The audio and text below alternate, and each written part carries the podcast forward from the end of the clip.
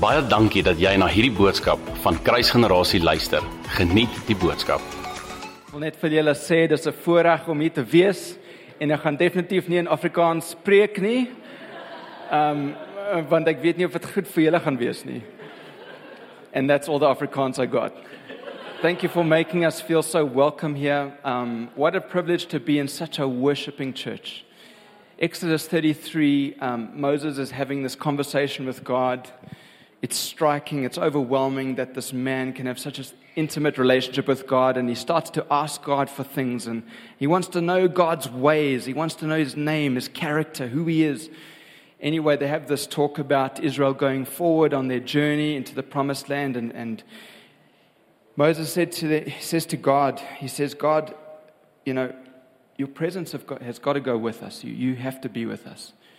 And they, they talk about it, and Moses says, If your presence doesn't go with us, do not send us from this place.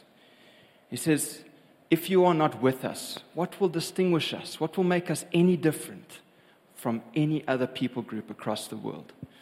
And I just want to say to you that I believe that this church is called to carry the presence of God in an astonishing and astounding way. And I know that's been a theme.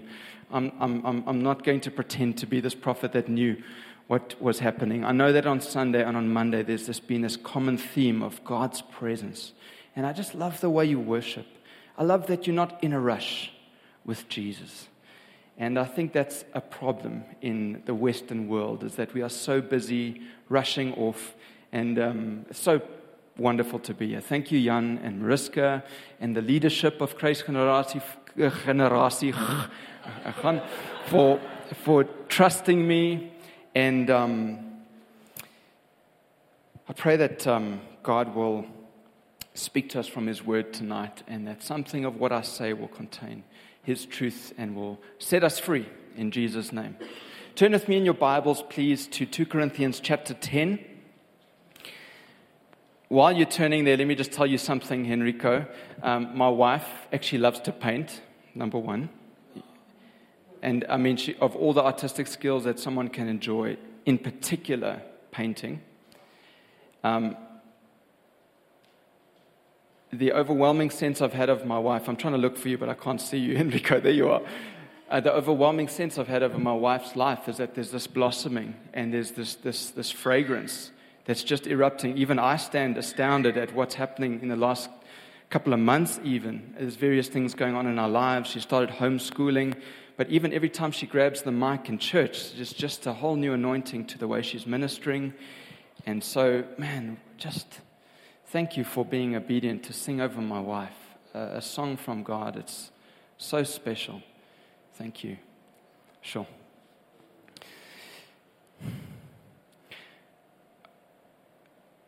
2 Corinthians 10, verses 3 to 6. Let's, uh, you all there in your Bibles? Let's read together.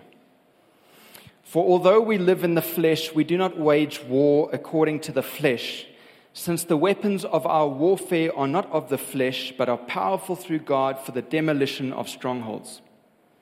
We demolish arguments and every proud thing that is raised up against the knowledge of God, and we take every thought captive to obey Christ.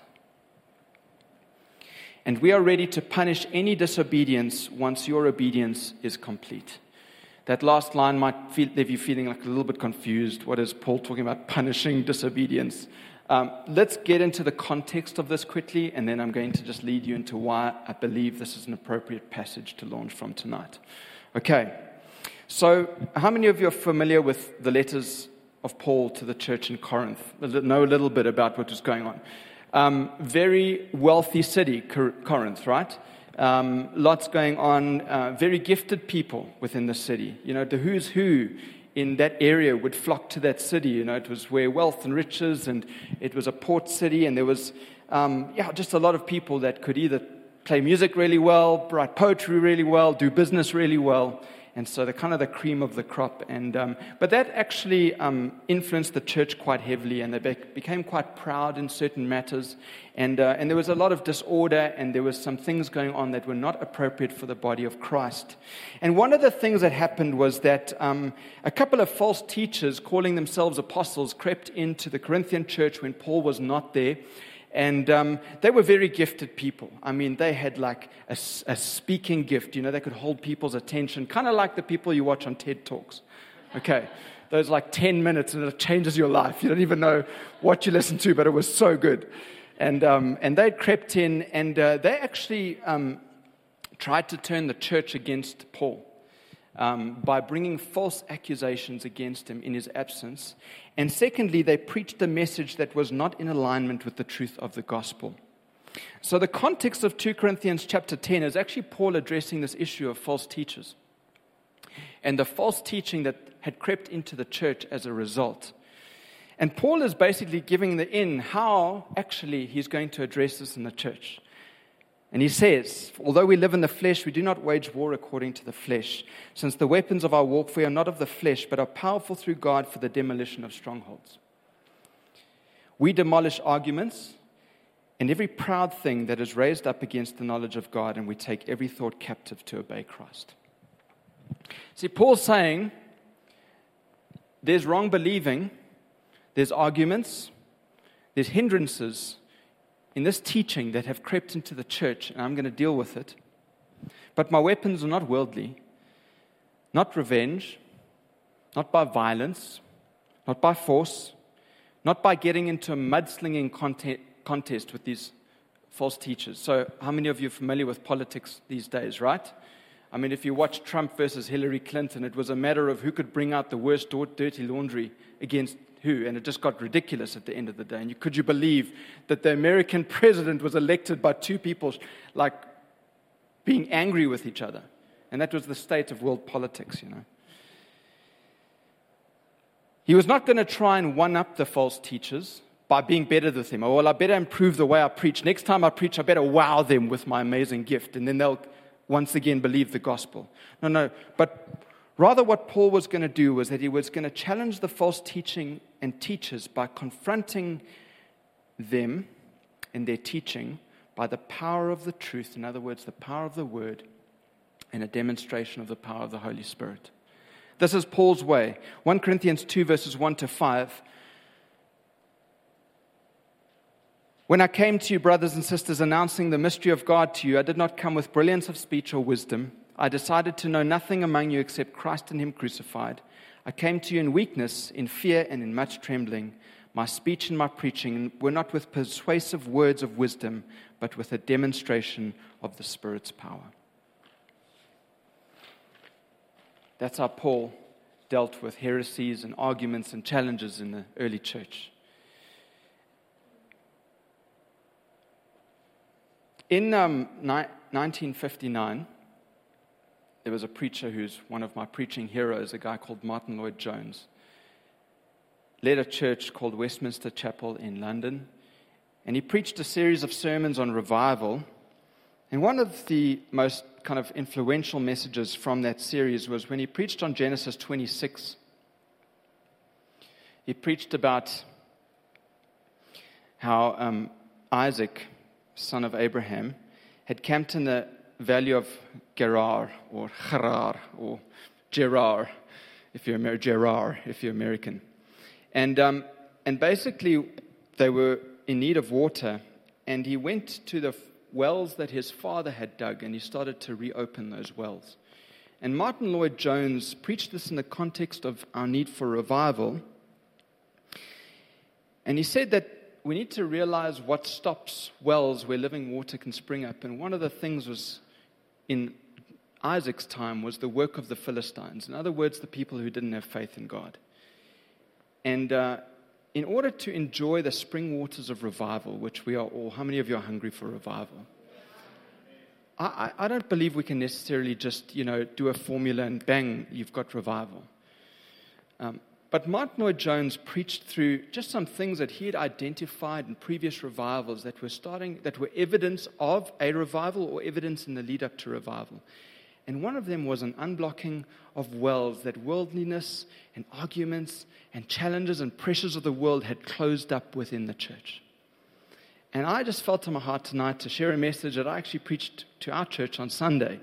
I wasn't going to do this. I actually wasn't going to preach an entirely different message, but I phoned Jan today and I just said, I just believe I've got to preach what I preached on Sunday. And what I preached about was, I called it challenges, but you could also say arguments or hindrances, pressures, challenges that the church is currently facing. And I want to tie up why I went from Corinthians to Genesis 26 to now how we're going to address challenges and hindrances in our time. Why I've gone that route is because the way we're going to deal with these challenges is we're going to confront them with the power of the Word and by the convicting power of the Holy Spirit. We're going to name them. We're going to look at them. We're going to put them on the table. How many, how many of you know that when you bring something into light, it takes the power away? Okay, so we, we're just going to talk real tonight. And um, the title of my message is Arguments, Hindrances, and Challenges the Church is Facing. And I just believe that God, where we have been duped, I don't know what an Afrikaans word would be, but where we, we have subtly believed some of the lies that these current pressures culturally in our world have brought, that God is actually, in this moment, is going to convict us hey, I've actually, I've actually believed some stuff that is actually not life giving, and it's actually detracting me from my devotion to Jesus. We're going to see it. We're going to say, Holy Spirit, come and convict me of your truth.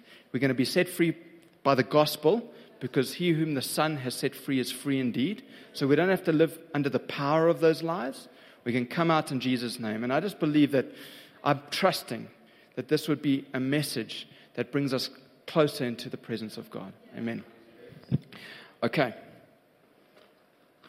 Just a disclaimer about this word. I'm the pastor of Solid Ground Church and, and not the pastor of Kreis Kruisgenerasie. And I realize that some of the uh, points in this is, is, is got a pastoral touch. And I'm going to do my best to steer clear from, um, from putting on you any of solid ground's leadership stance on certain matters because that's not my authority to bring. And where, where, where I feel I need to mention it, I'm going to just say, hey, this is what we have chosen. And uh, Jan, full right to correct me, to stand up and say, James, that's not what we're about in the matter at all. Really. I come in here as a guest um, to submit just to the, the local household here, and so it's a great privilege to preach here. Let me read a quote from you from a guy who wrote an article recently in, uh, a, a, on a website blog called um, The Gospel Coalition. Some of you might know it.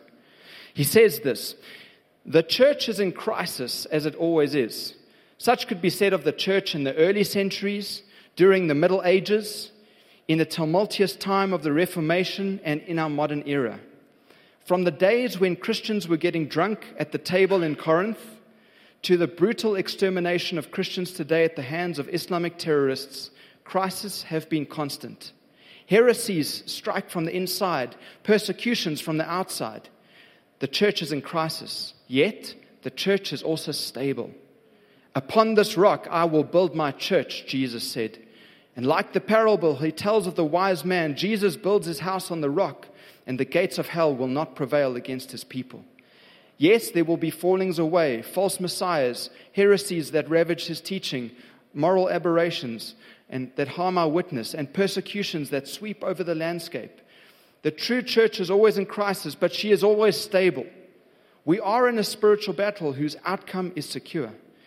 Any attempt to address our current cultural context must keep in mind both of these truths the church is in crisis and the church is stable. If we do not consider the seriousness of the crisis we face, we will succumb to complacency and lose the edge of our witness. If we do not consider the stability of Jesus' promise, then we'll be in fruitless fear and anxiety. Our task is to see the opportunity that accompanies every challenge and to see the challenges that accompany every opportunity. I'm going to go through nine challenges that I believe we face as the, the church. And I've tried to think is this relevant to South Africa and uh, the church in Middelburg? And I believe they are. And um, they're not necessarily an exhaustive list of challenges, but may we just identify this morning. May Jesus do heart surgery on us and uh, purify our devotion to Him. Amen.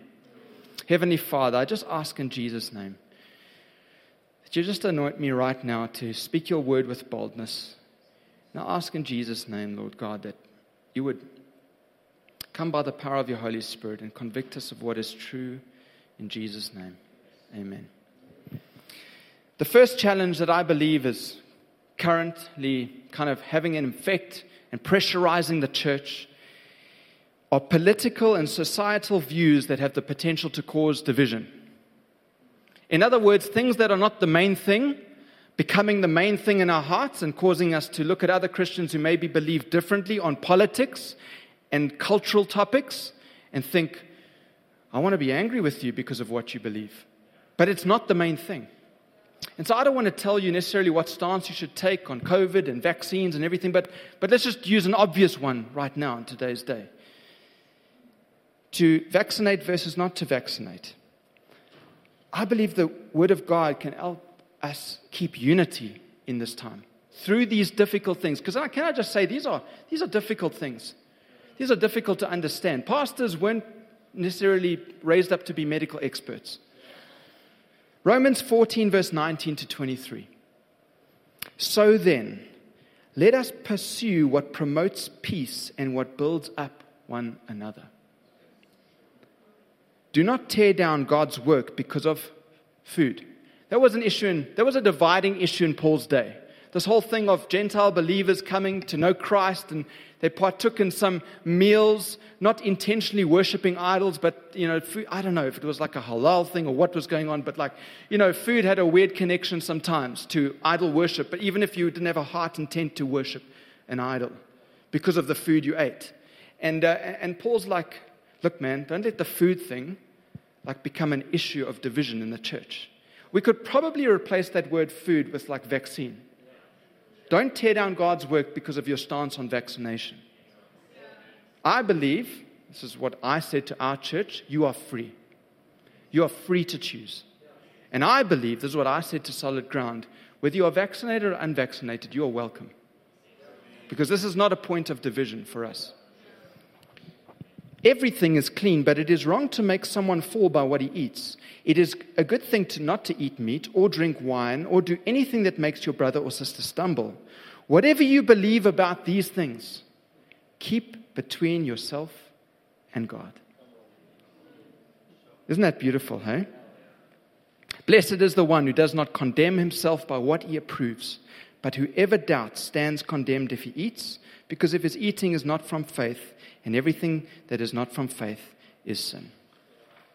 So, the ta- challenge to the church in this right now is to keep the main thing the main thing. And I would say this to individuals to keep your conscience clear before God. Don't do anything that offends your conscience. And you are free in Christ to make those decisions. Let us resist the voices of the internet out there who don't know you and who don't pray for you. And stay grounded in church community where Jan and Mariska, or Pastor Jan, prays for you, cares for you, and is appointed as a shepherd over you. The second challenge or pressure or hindrance that um, I believe is prevalent right now, especially in the West, increasingly so, is a technical word, secularism. I had to Google that more than once. What is secular culture? A secular culture is a culture that is void of the worship of God. It is when we push God out the window. You know how many of us, us in, in, in, in the kind of, we, we watch America, a lot of American movies, right? So we are familiar with the plight of the American church. You know, they always say, why are these bad things happening in the schools of America? And people will say, because they push God out the window. You know, they don't allow prayer in schools anymore. They don't allow you to talk about Jesus in school anymore, which is true. And let me add that there has been results and consequences to those choices. Secularism, the rejection of God's authority in our lives. Pushing God out, out of our individual and corporate lives. It's the rejection of the biblical story, the rejection of the Creator, and living under the knowledge of the fact that He created all things and He is bringing all of creation to its final end. You know that secularism, that is a life ignoring God, it doesn't start with like this decision, like, I'm going to ignore God and reject Him. It actually starts like this it starts with that sub- subtle substitution of our disciplines and devotion to Jesus with other stuff, other good stuff, other good stuff that we are actually free and actually it's promoted that we enjoy beautiful and lovely things in the world. I mean, I don't have any issue with watching a little bit of Netflix. But if your entire like week looks like week Netflix every night and there's a bit of a decision between Netflix and church on most occasions, then I would say that actually beware secularism, a life pushing God out the window, has started to creep into your heart. John Mark Comer, someone I respect in the church world, refers to secularism on a podcast recently, and he says, You know what secularism is like? It's like a little bit of brunch on Sunday morning at your favorite cafe and not going to church. And that's not a heavy on us who've had a long weekend recently. That's not a heavy on us who've maybe taken a weekend off to go to the dam and fish a little bit. But when that starts to take the place of your devotion to Jesus, actually you would trade in the Christian life, the devotions, the disciplines for other stuff, entertainment, a little bit of this, a little bit of that. Friends, we think it's safe to play a little bit around with substituting the disciplines of our faith with what the world has to offer. But let me tell you this it is actually more threatening than we realize.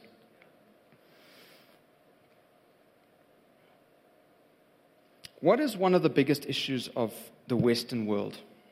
Increasingly so. I'll give you the answer anxiety and depression. You know that it's like the world just doesn't know what to do with this thing right now, so we've had to normalize anxiety. Do you know, do you know it's had to become pop culture now? It has to become cool. It's cool to be a teenager and anxious because no one else can give me an answer for it.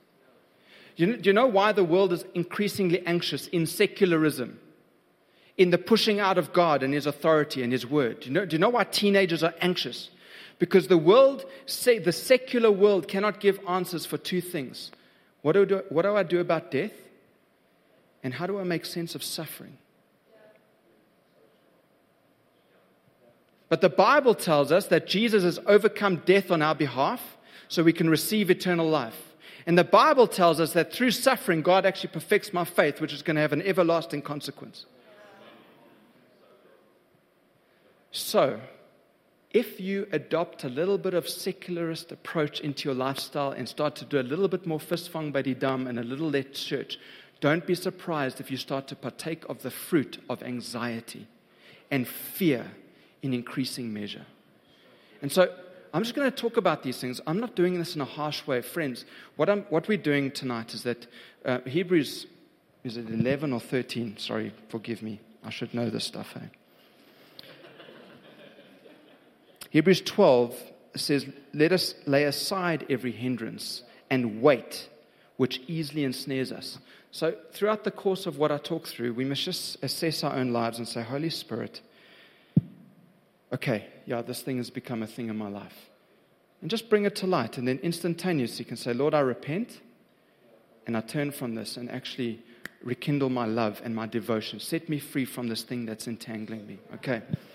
Um, number three, another pressure, a hindrance, a challenge the church is facing is a increasingly secularized, remember that word, pushing God's authority out of the window, or unbiblical view of sexuality increasingly unbiblical view of sexuality.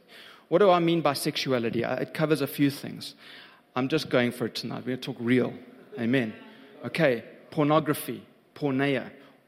That word Paul uses to cover all forms of sexual immorality. It can refer to having an adulterous affair, can, can, can, can refer to soft porn or, or whatever it is. Um, gender confusion increasingly unbiblical view of sexuality, confusion around male and female, um, confusion around you know, what God approves and disapproves of, or the rejection of anything that goes against what I feel and what I want to do. LGBTQ plus plus plus, you know, trans. I, you lost track of what you can apparently be now. Genesis 1:27 friends. So God created man in his own image. He created him in the image of God. He created them male and female. You're either male and you're either female. If there's been any confusion in this room I know particularly amongst our young people we don't even understand how this is actually a pressure. It's a it, it, it's an argument that is just not only seeped in it is now gushing forth into into young people. And there is so much confusion. If you're young here and your friends are starting to talk, live out, act uh, in, a, in a way that increasingly represents a pushing out God's authority out of their lives, know this you can have peace.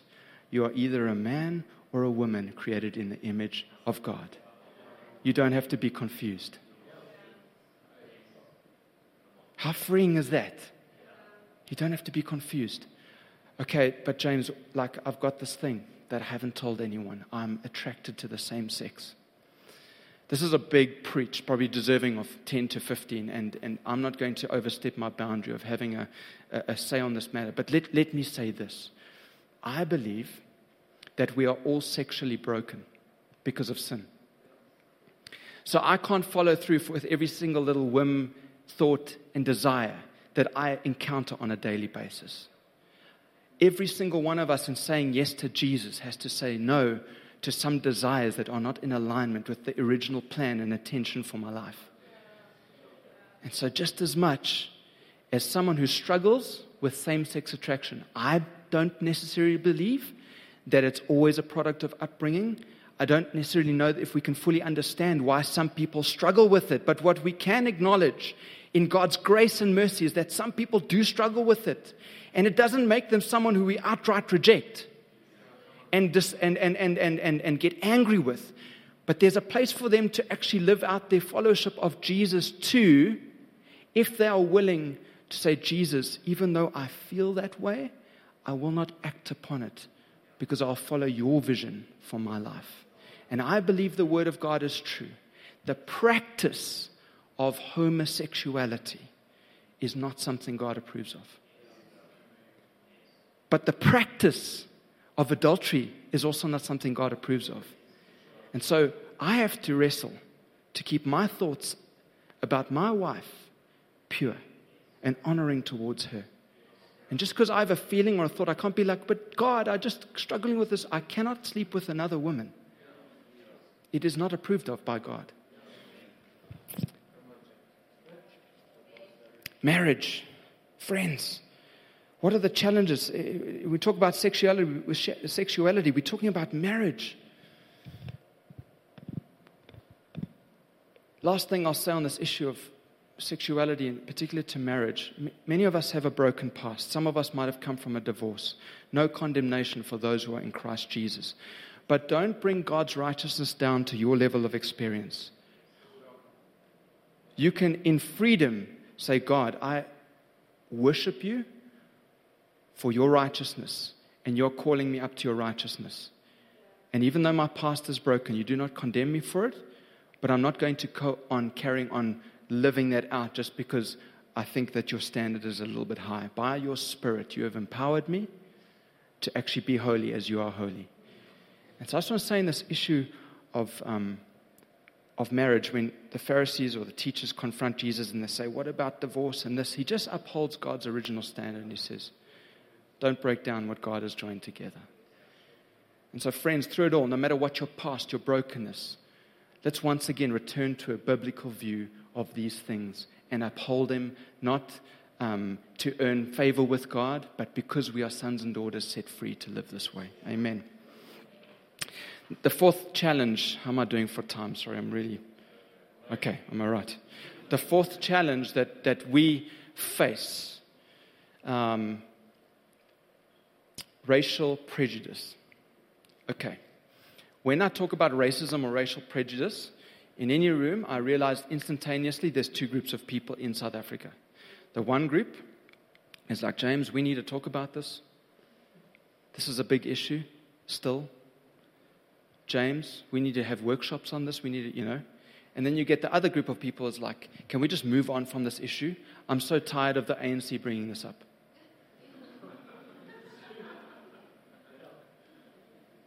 Friends,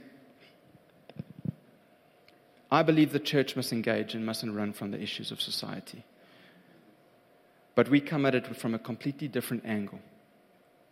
We don't come at things the way the world operates. We don't wage war the way the, the world wages war. I don't want to talk necessarily right now about racism, which, which, for the context of this message, refers to outright discrimination. That is like that you literally believe that your race or color of skin is superior and someone else's culture, background, or color of skin or language is inferior. Um, that, that's a very extreme side. I just want to talk about racial prejudice. That is a, a challenge, a pressure, a threat, a, a, a falseness still within our hearts. Okay? So, so what do we do now? Because right now, it's, it's in, in, in South Africa, you'll get cancelled. It's, it's, it's, it's illegal to be ra- openly racist, right? Um, someone will find you out on Facebook and then the big story. So, what have we done now? We actually wait till we're amongst a group of people that we feel safe with and are like us, and then the racist stuff starts to come up around the braai. How many of you have been in those conversations? I have been in those moments. So, so cool. Everyone here on the same page? Sweet. Now it starts to come out again. hey? Friends, Revelation 7 9. Don't forget Christ's church is a multitude from every nation, tribe, people, and language. Here's the thing I want to challenge us with in this room tonight is that the kingdom of God is not just about tolerating someone in your space who's a brother. But it's actually about crossing bridges and saying, actually, I'm going to go out of my way. I will bring death to my life. What do we naturally do? We naturally hang around the people that are like us, right? That kind of dig the same things. So, so, the, so the kingdom challenge is actually to make sure that we're actually crossing boundaries and we're saying, Lord Jesus, take me out of my comfort zone. How many of us are actually crossing the boundary in our workplace? Crossing the boundary in um, kind of the shopping mall or whatever, to actually, to actually take a step beyond just kind of naturally talking to and being with our cliques and whoever's kind of close to us, but saying, Oh Lord Jesus, I actually, I actually realize that part of the reason why um, we actually have, um, how can I say, prejudice in our hearts is because of ignorance. Like when you, when you get down and you look someone in the eyes and you start to ask them, like, you know, tell me about your mom and dad and, and, and, and what do you dream of one day, then you realize, yeah, you and me, we, we're actually quite the same, eh? Like you also, you grew up with hopes. You grew up with dreams. You grew up with desires that God placed in your heart. You, you have fears. Actually, you're just as scared of me as I'm ultimately scared of you. And actually, the, the more we actually engage, the more we actually break down. Christ, between the big issue of racism in Paul's day, was the issue between Jew and Gentile. I mean, it was big. I mean, there were some nasty names said between each other. And Paul makes that clear in the churches, and he says, Christ came and he broke down every wall of hostility. Every wall of hostility. The fifth um, challenge or pressure that I want to talk about is cultural Christianity. Let me define cultural Christianity. This is people who um, go along with the culture. Now, let me just tell you that cultural Christianity is dying in the West. Um, you know, some of us used to be, you know, when you fill out the form, the medical form, they used to have the question, like, you know, white, black, Indian, colored, um, non religious, Hindu, Buddhist, Christian. You tick the Christian one. But some of us wouldn't tick that because we know Jesus. We just tick that because, because I'm an English person and my family went to the Methodist church. Ek is Afrikaner and you know we birthed out of Christian tradition, right? Whatever. Uh, we all have it, you know. Uh, so that's no disrespect to any people group. People who adhere to Christian values and appreciate Christian culture and this identification may be due to various factors such as family background, personal experience, social and cultural environment. In other words, um, it's people who act like Christians um, out of the influence of the prevailing culture or expectations of a prevailing culture, but not out of a con- personal conviction of a need for repentance from sin and turning to Jesus for the salvation of their own souls. Why is this a challenge to the church? Well, we have a bunch of people often in our congregations that know how to say the right things and do the right things, but their hearts are not in it because at the root of it, they are not personally convicted about following Jesus. Cultural Christianity is just as much of a danger to your soul as being an outright unbeliever. Because if you think that you're a Christian on the basis of your family tradition or friendship group or I attend church or I'm a good person, you know, like God will be cool with me, like I've done good in my life, I gave to whatever Rotary and I gave to the church and friends, none of that None of that earns you salvation. It is only wholly surrendering and trusting in the work of the, the Lord Jesus Christ. That's why grace is so offensive. Oh, but you don't know what I've done. You, dude, nothing you've done earns you your righteousness. Everything that He did on the cross. Do you recognize that you need forgiveness of your sins? Do you recognize that without Jesus, your life is in big trouble, friend. This also leads us to a shallow understanding of discipleship. I said to our church, you know, two things we actually need to become more clear about as the world becomes increasingly secular and people kind of don't really know what necessarily come into church knowing what the church is about. We need to make sure the gospel is clear. Like, we need to make sure, like, we, we, ask, we ask people at membership, we say, you know, why should God allow you into his perfect presence? And then all the answers come out. Yeah, like I've been quite a good person, and like, you know, I, I try to read, I really try to read my Bible. So we've got to make that clear, friend. This is how the gospel works. This is why Christ died. And secondly, do you know what it actually means to follow Jesus? Do you know that it's not just a one off gate of salvation? Cool, I'm in, cheers, I'm going to go do what I want to do. That actually to experience the abundant life that Jesus promised actually takes losing your life. A quick story. I was at a place of surrender, Maroubra Beach, Sydney, Australia, trying my own thing, trying to do a band. God started to speak to us about laying that, me, about laying that down. I had made some serious mistakes. I had to just come to a place of surrender and say, Lord, not my will, but your will. I just want to tell you that I couldn't be more happier, my wife and I being back in South Africa after six years in Australia. Because you are most happy in the will of God. You are happiest where God has you, not where you think you should be. So I just want to tell you this, this whole idea that losing your life means a life of like boredom and misery and church meetings. Friends, I've never been on a greater adventure than following Jesus and allowing Him to dictate where my life is headed. But you will not taste that unless you come to a radical dying to yourself and say, Lord, not my will, but your will be done. Discipleship to Jesus is all it's, it's, it's, it's every day it's putting into practice his teachings. And the more we put into practice, not to earn salvation, but to work out our salvation with fear and trembling, the more you begin to experience his life and realize that actually his way really is fulfilling and satisfying. And you drink from the living water and you enjoy him. But so many of us are sitting in shallow waters, friends. The sixth thing that is a threat and a challenge and an argument, and a hindrance, whatever you want to call it, is liberal theology. What is liberal theology? Sorry, I chose all these technical terms. These are like what the academic scholars talk about. but I need, I need it to be brought down to my heart level. So I have to Google these things and then I figure it out. Okay. What is liberal? Liberal, in the, in the broad sense of the term, means to protect or enhance personal freedom of belief, choice, and action. I have a right to believe, choose, and do what I want to do. Liberal.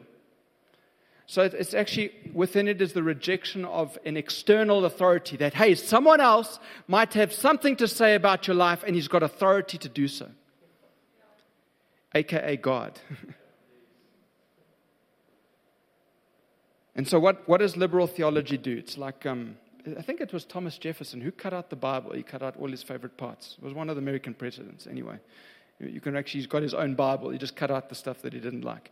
Okay, but li- what liberal theology does is it's like, um, you know, oh man, you know, like, uh, this is the cultural norm right now. You know, th- this is like, this is where we're at in the 21st century. Like, you know, th- this thing of demons and angels, I mean, it really doesn't make sense with science. So, like, we just ignore that part of the Bible. Um, this, this thing of born of a virgin, ah, you know, does that really make difference to the love of Christ? So, like, we'll just throw that out as well. Like, it, it doesn't matter, like, whether you believe, like, you know, Jesus just, like, was a spiritual being that appeared. In fact, I don't know, like, maybe Jesus didn't really just come. It was just like the story. Just like the story that, like, I don't know, a few people, like, made up. And, like, like the whole point of everything is just to, like, love. Let's just, like, just, like, sing around and love. So we'll just do away with all of truth, liberal theology. Get rid of the authority of the Word of God, the finality of the Word of God. God spoke, and this is what was created. No, we don't really like that because it doesn't, you know, we can't figure that out with our own little minds. But, friends, be careful how much liberal theology has actually gotten into some of us. That we have actually been loosey goosey on the doctrines that are fundamental to our faith and, and with that, the corrosion actually of, of, of, of our Christian experience and conviction.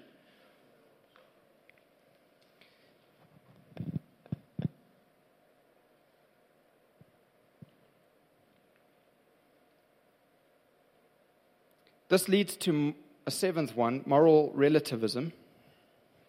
Once again, Google's my friend. You know, moral relativism relativism, I can't even say it, is the idea that there are no absolute rules to determine whether something is right or wrong. Okay, so if we throw about external authority, the Word of God, where are we're going to land up, in the past, when we were all culturally Christians, um, everyone kind of like, hey, the Bible's cool and that's a moral standard to live by. Now, how do we set our moral standard? Is like, ah, what I feel is like sets what's right or wrong. What I feel chatting to my lawyer friend in uh, Cape Town recently. Um, he, he, was at a fraternal of lawyers, and they were discussing uh, various issues in case law. And uh, one of the issues that was brought up, not by him, but a bunch of unbelievers, lawyers, was this matter, the very real matter of the legal precedent that has been set by the um, uh, legal battles that have been won in our constitutional court allowing same sex marriage. And the, the, the argument uh, or the debate and the concern amongst unbelieving lawyers was this the groundwork has been laid that pedophilia, that is an adult person uh, thinking that it's okay to want to have sexual relations with a child as a sexual orientation, as in that's the way I feel about my life, and I should be able to do that legally, that groundwork has been set. Because there is no more moral standard of right and wrong.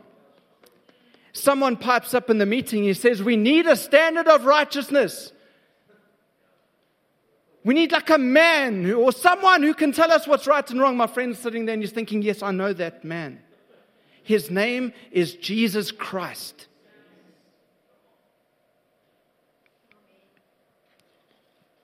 We live in a culture of Instagram follow uh, influencers and bloggers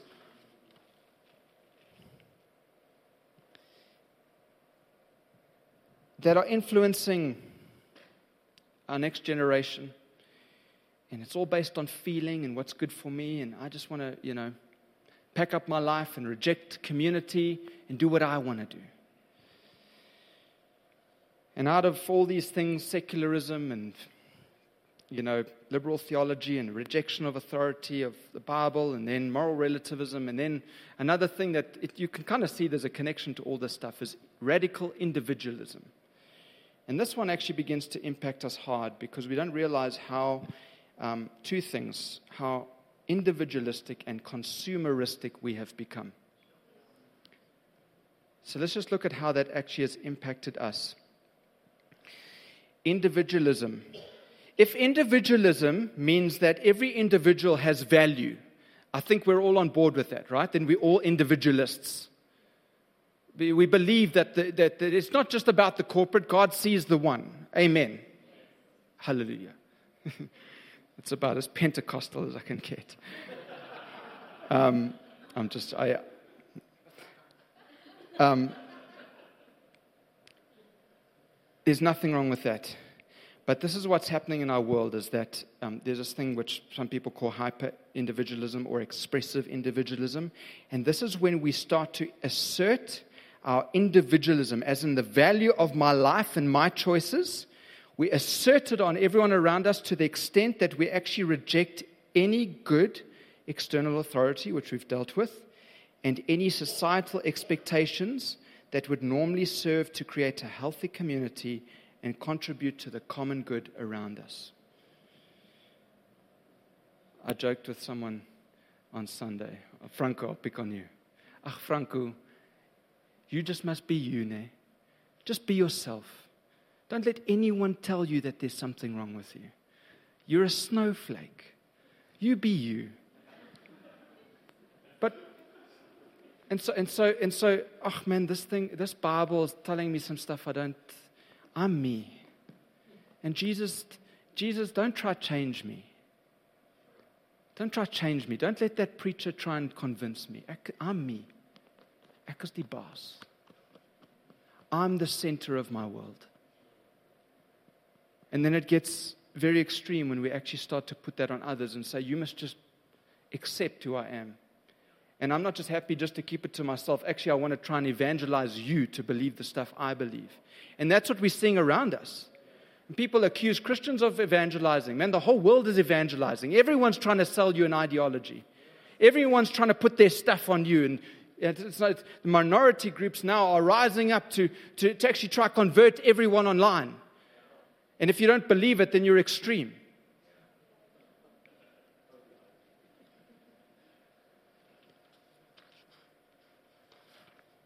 Why is this a challenge to the church? Well, we reject the authority of Scripture and leadership. People want to identify themselves with their own path, not as a part of a community of Jesus followers.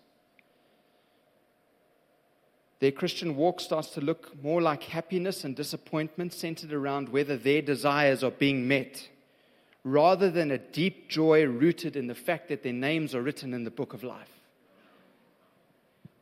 You know, we used to sing that song. I see, you know, uh, uh, uh, used to sing a song. I now can't remember it. Anyway, it was a, you know just a faceless generation. Are you happy that your name might never be spoken of in this world, but Christ knows your name? But in the hallways of heaven, they know there's someone who passionately follows me. But no one will ever know the works you've done. Friends, I'm telling you, living for the glory and honor of Christ is worth far more. And maybe in this life, it might not feel, it might not feel very powerful. But I'm telling you, at the throne of Jesus, you will not be upset that you laid your life down for the Son of God who laid himself down first for you. When we become hyper in our individualism, our disciple, it's a discipleship issue. Following Jesus is cool so long as he leads me to do what I want to do and uh, along into the life that I want to live. And lastly, a consumeristic approach to church involvement. Um, definition of consumerism is a preoccupation of society with the acquisition of consumer goods. So let's just identify that we've all kind of been influenced by consumerism. I mean, we, we, we, we sometimes in some churches, and I speak as a pastor, um, but you pick up that your, uh, that your congregation is listening more to Stephen Furtick, who has got a phenomenal preaching gift, more than they're listening to their own pastor. Because we have access to teachings and information, and we just consume. And some people in our church are like, can't we just keep doing the online thing? It was quite nice to have a long weekend and then come home and like watch church on a Tuesday. But this is why I have an issue with that kind of a mindset. Nothing wrong with online church, it, it has a purpose. But online church, uh, to, to, have church as an experience for myself, to get a blessing or to get a, you know, to, to, to pick me up, if, if, if that's our approach to online church, then it's low in community and it's low in serving. Being a part of fellowship and actually being like what Jesus called us to be servants is two vital cogs in life transformation into the image of Jesus Christ. You don't just get there by teaching only, you get there by actually living out your faith. It's bearing up with the weak. The immature believer who keeps asking the irritating question at home group. That's how you grow up. That's how you get more grace and patience and learn the heart of Jesus. It's by serving in Sunday. I, I want to call you to volunteer in your local church and let nothing be beneath you. You know, that, you know that the bottom of the bottom job in Jesus' day was the dude who washed the feet. When you came in from walking in the streets with open sewer systems on those old cities, right? No underground fancy pipes. The sewage ran above ground. So the streets sometimes overflowed with dog poop, other animals, and human stuff. So then you walk around all day and you come in, and Jesus says, Sit down. Let me wash your feet. But some of us, hey, we want to, want to serve people coffee on a Sunday. I'm, I'm above that. Friends, you will not be given spiritual authority unless you're willing to become like a servant. We want to prophesy and we want to preach, and I want to tell the church leadership what we should be doing. That's cool, man. Do you want to pack some church chairs on a Sunday morning? Ah, do it for two weeks, never see them again. But Jesus was willing to do it. I want to encourage you. If we want to become like Christ, then we've got to start to put into practice the things Jesus did. Be with Jesus, become like Jesus, and do the things he did. If there's anything tonight that I've said that struck a chord with you, why don't we stand together? Lord, forgive me if I've come across in any way as proud or arrogant, or as though I've preached down to anyone. I have, that is not my heart, Lord.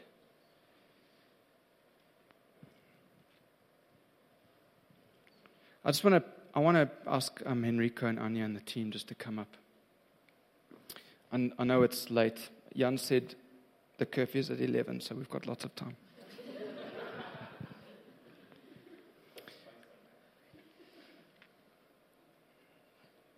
it is my hope that, um,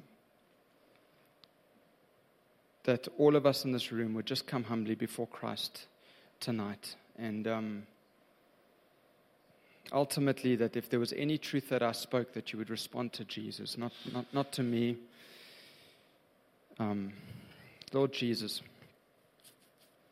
just come by your Holy Spirit right now and just deal with our hearts. Friends, I, you, know, you know why I felt I needed to preach this word uh, here? It, it, was kind of like I feel like it's a, a little bit of a, I don't know what you want to call it. I'd frame it almost like a call to holiness. But the last thing I want to do is, is, is try harder, do better. That's not the Christian message. It's not like, ah, oh, man, just like positivity, get up and just do better next time, son. I, I, there's got to be, the Christian message flows out of a deep revelation of who Jesus is the Son of God, Messiah, the, the Lord, Most High, the beginning and the end, the first and the last, the Alpha and the Omega, the King of Kings and the Lord of Lords. He calls you by name, friend. Let us then throw aside every weight and every hindrance in Jesus' name. And let us follow him with a pure devotion. For the one who looks upon us has fire in his eyes. That means he's pure.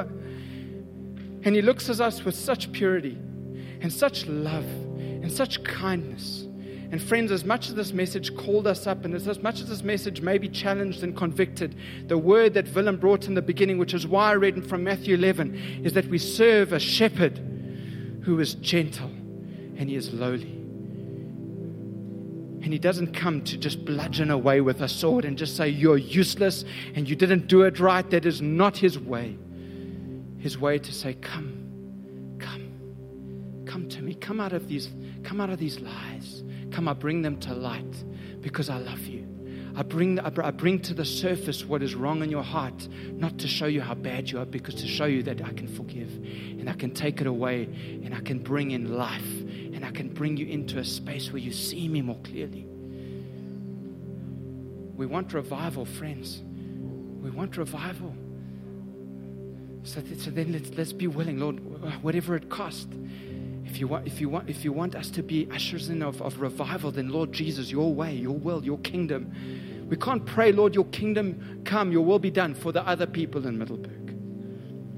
Ons moet bid, jou koninkryk, your kingdom in my heart, in my family, in the way that I raise my kids, in the way that I do business, in the way that I serve in my local church family in the way that I speak, in the way that I interact with people from another race and another language and culture.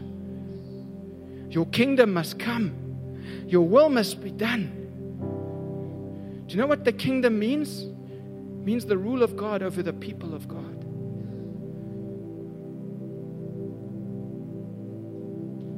You know, when Jesus went into Zacchaeus' home, and Jesus rec- and Zacchaeus recognized the message of Jesus as the truth. He starts to be generous. It's a sign of the kingdom. So he starts to give everything away.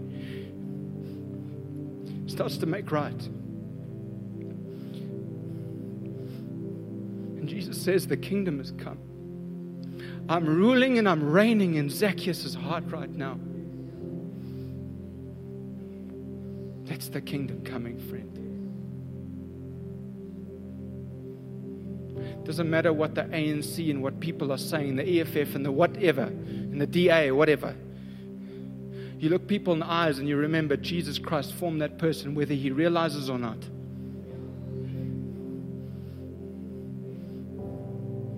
You should ask Jesus for compassion for people again. People at work who've irritated you because they can't do their jobs. You say, Lord Jesus, give me patience again today. Your kingdom come and your will be done in Jesus' name.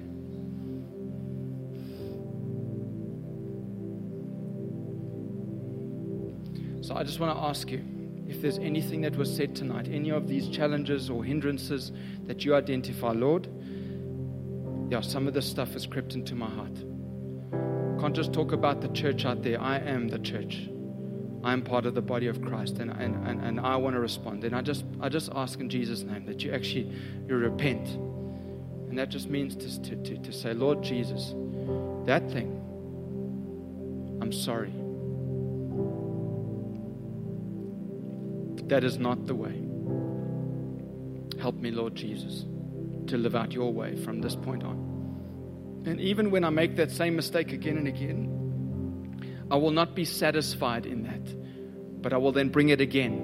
And I'll say, Lord Jesus, I'm sorry, I've done it again. And then I will put it into practice again. So just a moment of repentance. Lord Jesus, we're sorry. Sorry for pushing out the window of our lives. Sorry, Lord Jesus, for getting loose on your word and the authority of your word over our lives. Sorry, Jesus, for approaching church like a consumer, for expecting of the church something for me when I was actually unwilling, Lord Jesus, to come in to the body and recognize that I'm a participator in the body of Christ, not a consumer. Oh, Lord Jesus, where, where I've got just so bent out of shape when I didn't get my way. Oh, re- repent, Lord Jesus, because actually it's greater to do your way, your will. The second group of people I just want to pray for is if you recognize some of these things are big problems in our world, they are winds that are blowing and buffeting and, and they're pushing against people and families and society. Some of them are strong, and you're saying, James, I can't make sense of the turmoil of the world. It feels so windy. It feels like there's so much pressure. You can't even do business in this town without someone looking for a bribe. And, oh, James, you don't understand the pressures that we are under to follow Jesus and to be faithful to Him when all this stuff is coming against us constantly. I heard a great analogy recently from a preacher. He said a couple of years ago, the University of Arizona They built a bio bubble. It's like a big area that they enclosed to plant trees and flowers to kind of create their own climate. They planted all these trees, and they said in year one, sweet, trees grew big time. But in year two, all the trees started to fall over. And the scientists, I mean, the academics were like, what is up with this? Why are the trees falling over? There's not even wind. Until someone actually clicked and said, What if it is that there is no wind? And it turns out that when there's no wind, trees don't put their roots down to build stability. And so I want to tell you that if you feel overwhelmed with the pressures of this stuff taking place in our society, fall down on your knees and say, Lord Jesus, let the roots grow deeper into you. And I know that when there's root growth, the next season, there's branch growth, there's tree growth. Don't be in turmoil about these times, friends. In Jesus' name. Don't be in to- when, when you sit around the office and you hear stories in the mines, can't do business, shutting down. Lord Jesus, let the wind blow and let the roots go down deep.